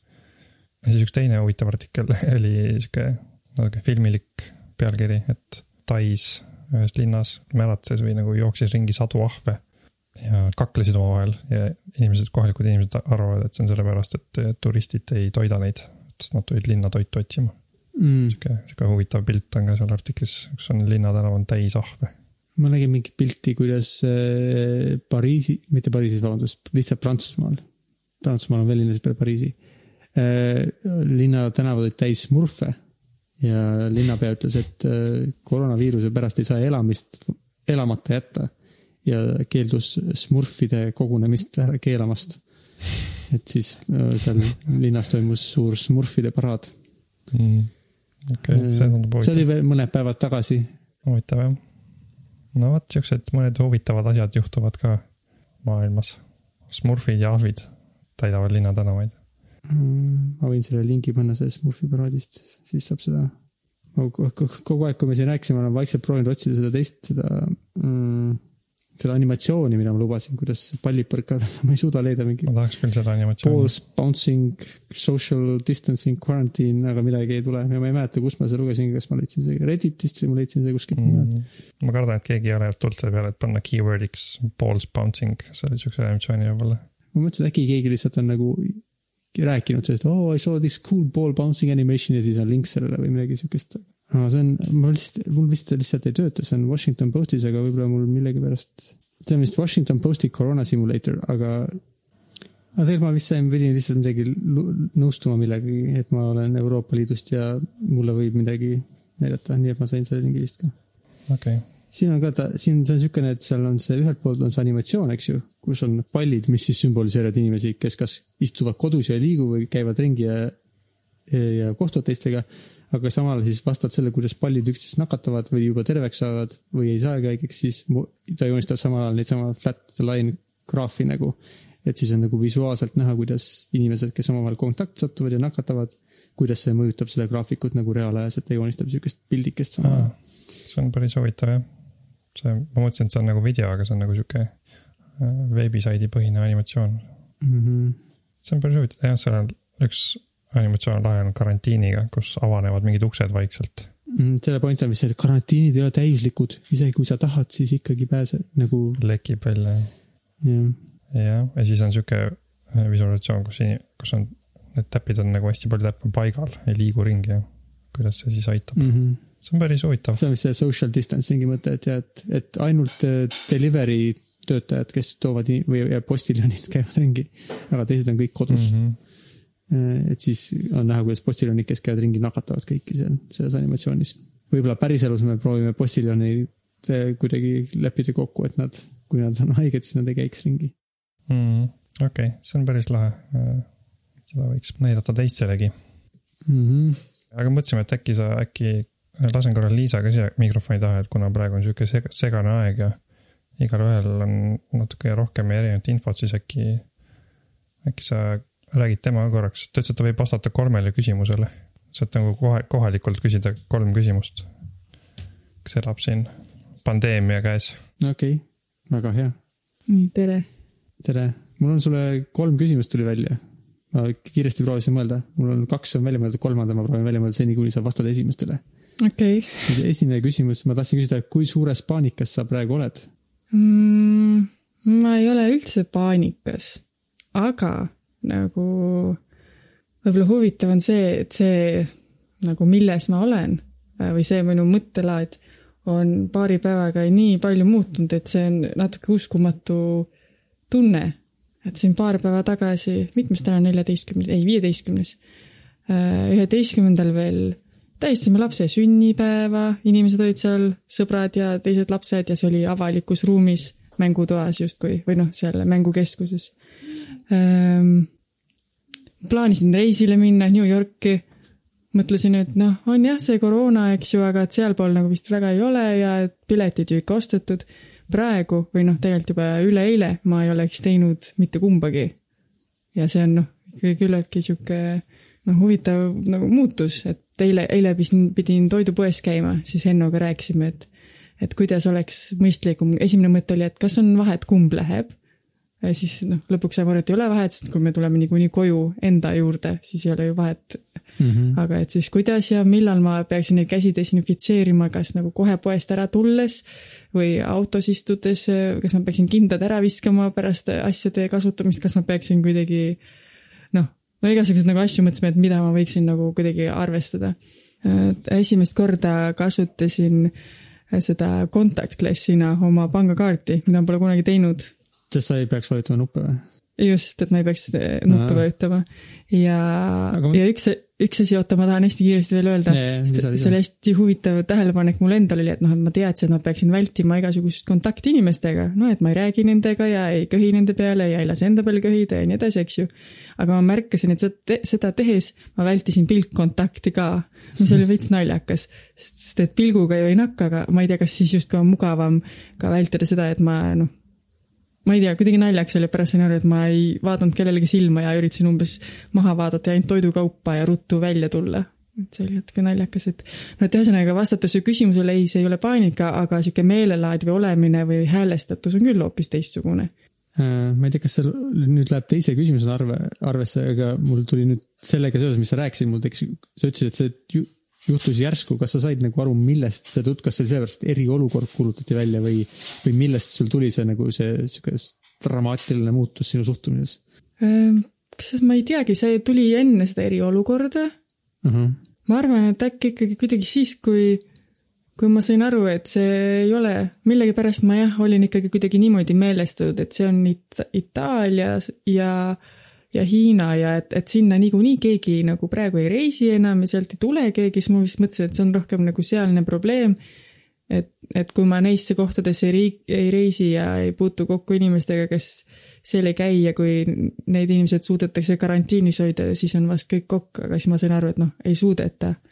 ja, ja noh, siin need igal pool, mitte ainult Eestis, vaid ka noh, teistes riikides ka need numbrid muudkui tõusid, kes on nakatunud ja, ja natuke ka see, et ma ei tea ka täpselt, kui tõesed kõik need lood on, aga et kuidas tuttavad räägivad, et kes luges mingit Itaalia arsti Twitterit, kus ta kirjutab, kuidas arstid peavad hommikul koosolekul otsustama, kes jääb ellu ja kes ei jää ja no mingid siuksed väiksed, ma arvan, et igasugune väike info niimoodi sujuvalt tegi, et et kuigi võib-olla see üleminek tegelikult ei olnud selles mõttes dramaatiline, et aa, okei okay,, et meil on nii palju nakatunuid, ei nüüd, nüüd ma olen nagu hoopis teistsugune mm. -hmm. vaid et noh, võib-olla võttis see neli tundi aega, aga nende nelja tunni jooksul nagu palju mingeid erinevaid siukseid infokildusid, kus ma sain lõpuks aru, aa okei okay.. pluss see üks artikkel ka, mida ma tean, et Henno vist mainis eh, eespool ka, mis rääkis, et kuidas seda kõverat tasandada, seda mm -hmm, kõverat, kuidas need nakatuvad. seda me arutasime.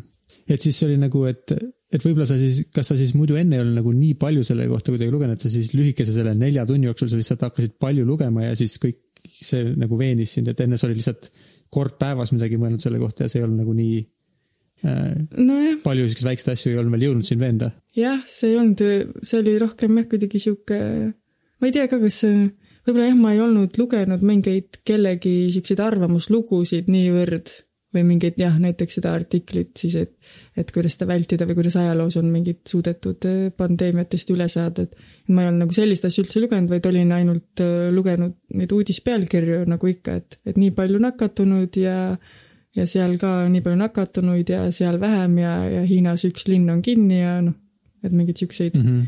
pealkirju, võib-olla jah, et enne ma lugesin pealkirju siis mingi hetk hakkasin lugema rohkem nagu ka sisu või siis kellegagi rääkides keegi ise rääkis mulle mingit sisu. siis mul on üks küsimus veel, mis on niisugune isiklikum, ma ei tea, kas see on isiklik küsimus, aga sina, mis sa arvad, kas sa oled, kui sa käisid poes või kui sa kuskil käinud, kas sa oled sattunud koroonaviiruse lähedusse, kas sa arvad, et keegi on köhinud kuhugi pinnale, sa oled seal mööda kõndinud, kus on väiksed koroonaviiruse, need DNA mingisugused või noh, viiruse osakesed.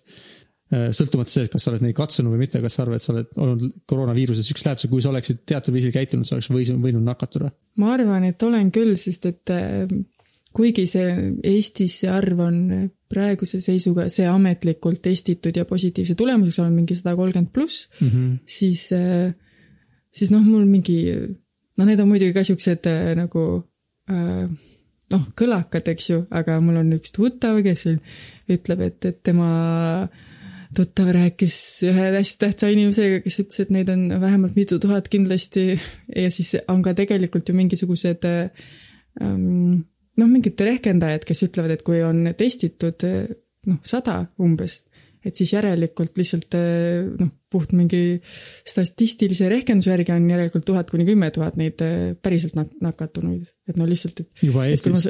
juba Eestis just mm. -hmm. et kuna ma saan aru, et see number on tegelikult ju noh, ilmselt ikkagi väga suur, siis ma arvan küll, et ma olen, sest et tegelikult ju see viirus ei ole üldse nii noh, ta on juba tükk aega siin olnud ja ma liikusin enne vabalt ringi käies igal pool ja ja ma mõtlen, et me käisime kõik ko- koos hiljuti reisil, et teoreetiliselt on võimalik, et noh, lennujaamad ja seal ka juba keegi kuskil miski oli. Mm., sinul ka, sina oled ka võib-olla ja noh, muidugi sa, kuulsin eile käisid mänguväljakul metrooga, ringi sõites Londonis.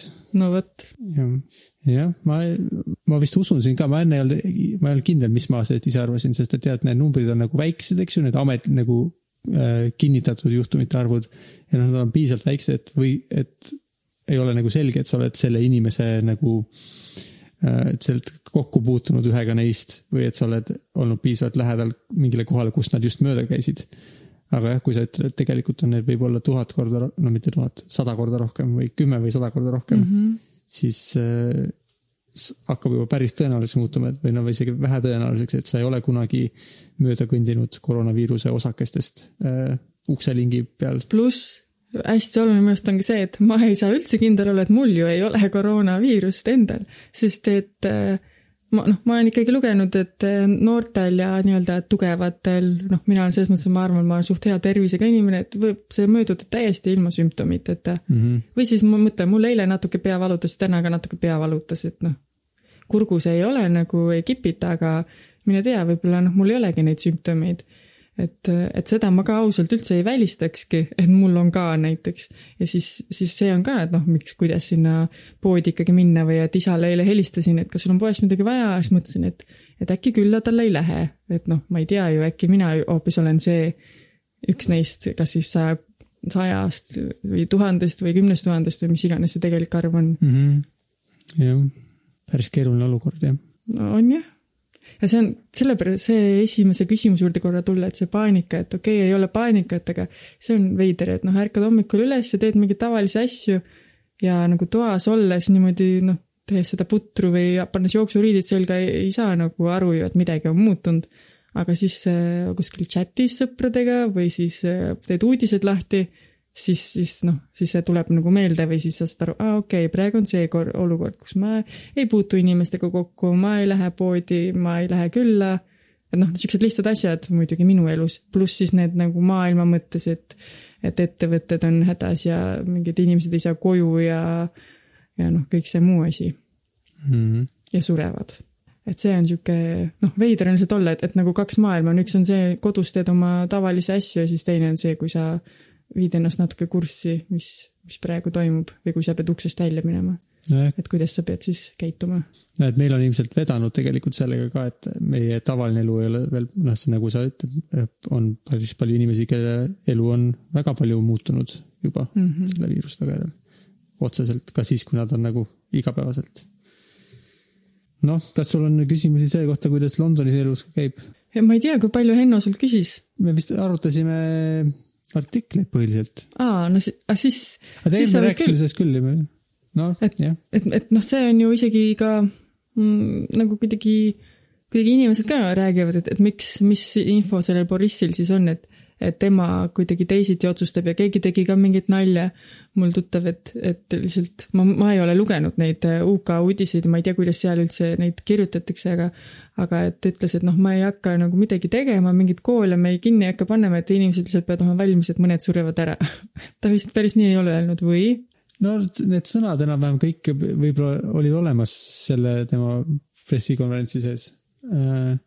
Sellest konkreetselt, mida Boris mõtleb, me tegelikult Henno Karen rääkisime, aga ma võin lühidalt uuesti, et tema point on see, et praegu on vara neid asju teha -hmm. ja see ei ole vist tema point, ta ütleb, et see on tema teadusnõunike point, et praegu on vara teha, sest et praegu see veel kasvab ja ta on piisavalt madalal, et see nagu see kõrgpunkt on piisavalt kaugel, et ta tahab oodata selle, nende meetmete kasutusele võtmisega, et võtta need kasutusele siis, kui neid on juba rohkem vaja, et need, see aeg, millal nad peavad olema meetmed, need nagu siuksed karmimad meetmed kasutusel, et see oleks lühem, sest et muidu ta nagu, et kartus on see, et kui praegu juba hakata ütlema inimestele, et äh, olge kodus, ärge kuskil käige, et siis nad ei kannata seda teha kolm kuud.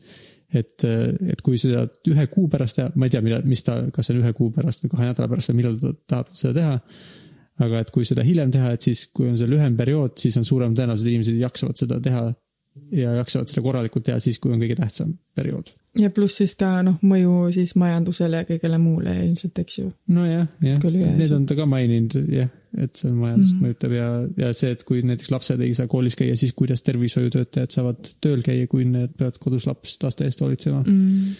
ja noh, selles mõttes ta, ta ei ole see, ta ei ole suvaliselt otsustanud seda, tal on mingisugused argumendid on, aga see on kummaline jah, kuidas tema on jõudnud väga erineva tulemuseni või ütleme, UK valitsus on jõudnud erineva tulemuseni kui praktiliselt kõik teised valitsused üle maailma.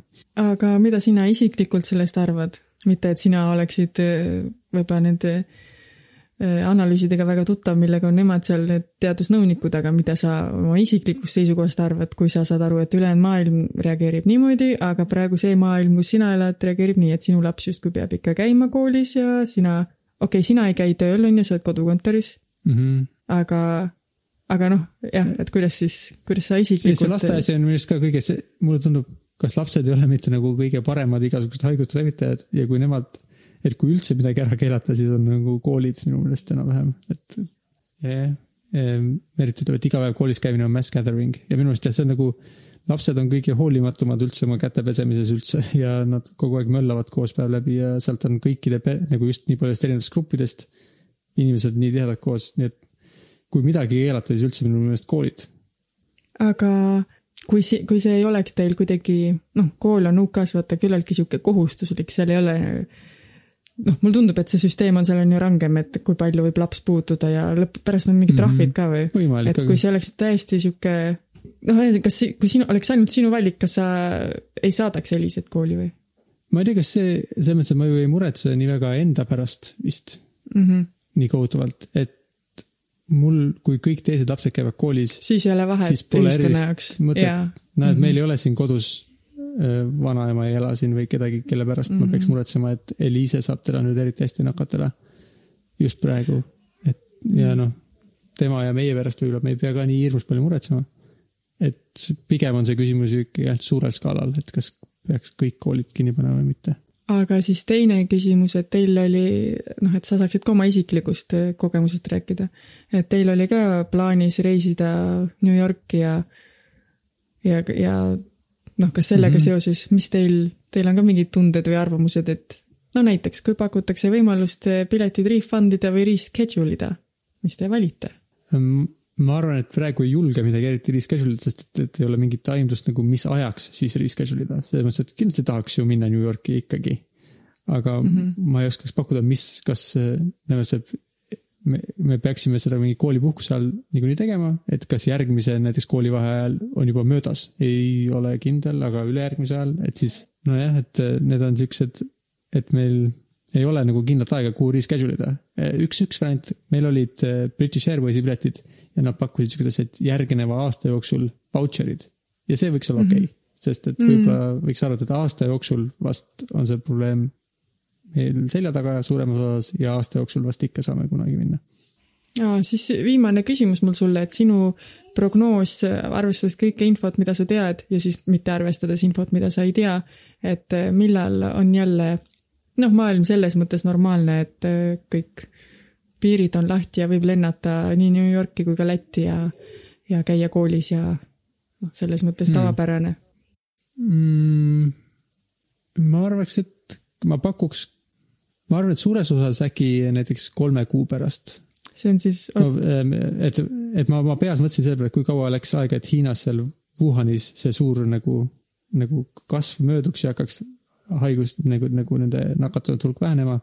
ja praegu juba ta vist väheneb päris jõudsalt ja seal mm -hmm. algas novembris ja. mujal maailmas algas pigem, no novembri lõpus vist jah mm,, ja okei. okay. mujal maailmas vist algas kuskil jaanuari paiku, nagu mõni kuu hiljem, siis ma arvan, et no et ja, aga mitte igal pool samal ajal, et võib-olla mõnel maal algab nagu alles praegu on jõudmas äh, kuhugi, aga tundub niimoodi, et see peaks võtma niimoodi äh, neli kuud aega, siis võib-olla on praegu juba igal pool vähemalt kuu aega kestnud, siis äkki kolme kuu pärast on enamikes kohtades nagu suur nakatumiste arv äh, vähenemas.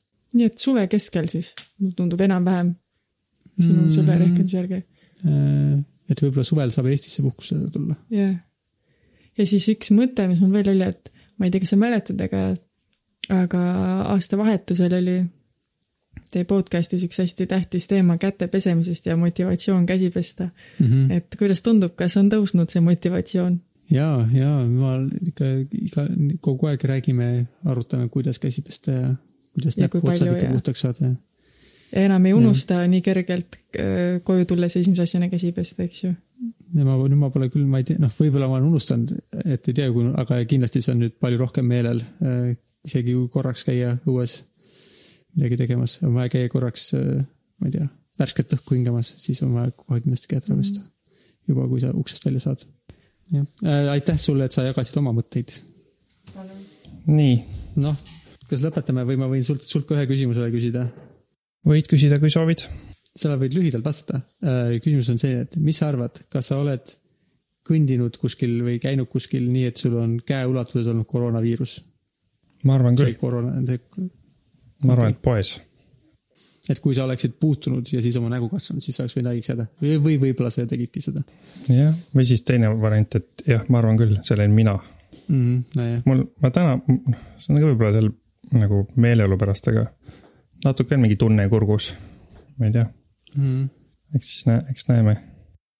mul oli ka kurk oli üks hommik valus, aga siis oli ka aken oli lahti natuke, et värsket Mm. õhku läks ja siis võib-olla sellepärast, aga kes teab.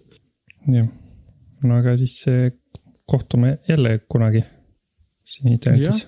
loodetavasti, kas nüüd eh, juba nii nädala pärast või paari jah, see osa on nüüd päriselt ka läbi. mm. -hmm. tšau, Siim.